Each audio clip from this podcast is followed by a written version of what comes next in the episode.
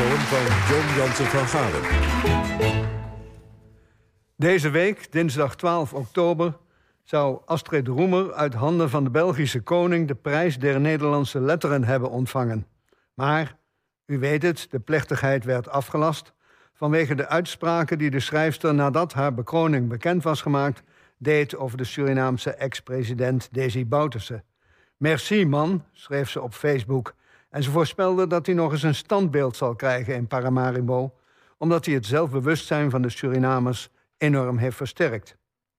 Toen ik voor het eerst in Suriname kwam, nu 50 jaar geleden, had ik griep. Op de eerste morgen ging ik daarom subiet naar de apotheek van Jamaluddin aan de Watermolenstraat. De zaak was overvol mensen. Maar zo gauw ik binnenkwam, week de menigte voor mij uiteen, zoals eens de Rode Zee voor Mozes.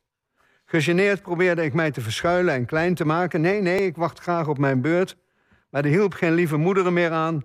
Glimlachend, lichtbuigend moedigde men de blanke meneer aan... direct bij de toonbank zijn poeders te gaan bestellen.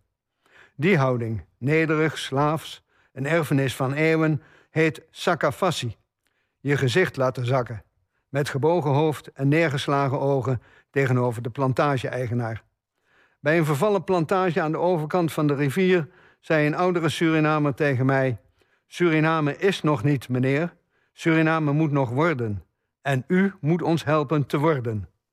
En zo was het nog toen het land al onafhankelijk was geworden. Er was toen een conflict bij het Surinaams Museum. Twee besturen stonden met kwaaie koppen tegenover elkaar. Hoe wilde men dat oplossen? Binnenkort komt de staatssecretaris uit Den Haag, was het begin van het antwoord. Dus als de Hollandse opzichter de plantage weer eens kwam inspecteren, zou die de knoop wel doorhakken. En toen, in 1980, kwam Bouterse. Hij en zijn kornuiten uit het leger wilden dat Suriname de mouwen opgestroopt het heft in eigen handen nam en niet langer naar het pijpen van de Nederlandse plantagehouder danste.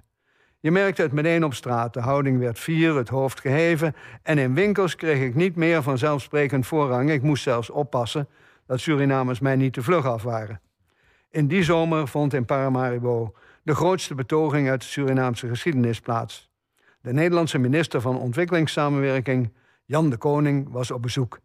Den Haag had het land bij de boedelscheiding van de onafhankelijkheid 3,7 miljard gulden toegezegd, maar die dreigde weg te smelten door inflatie. De nieuwe regering in Paramaribo eiste dat het bedrag waardevast werd gemaakt. En betogers riepen in koor: Jan de Koning, Jan de Koning, Suriname is geen pot met honing. Wat dat betreft heeft Astrid Roemer dus wel een beetje gelijk. Met Bouterse kwam er een nieuw zelfbewustzijn in het land. Maar dat waren de eerste maanden van wat een decennia lang bewind zou worden. De korte zomer van een nationaal ontwaken die spoedig overschaduwd werd door jaren van terreur en onderdrukking, waarin 15 opposanten van het regime werden doodgeschoten en het dorp Moiwana nagenoeg uitgeroeid werd. Bouterse maakte van Suriname een narco-staat, een paria in de wereld. Het zelfbewustzijn waar Roemer het over heeft, kwijnde weg toen de bevolking moest overleven. Met voedselpakketten die van overzee uit het voormalige moederland werden toegezonden. Dus nee, geen standbeeld voor Bouterse alsjeblieft. Al moeten de Surinamers dat natuurlijk zelf uitmaken. OVT,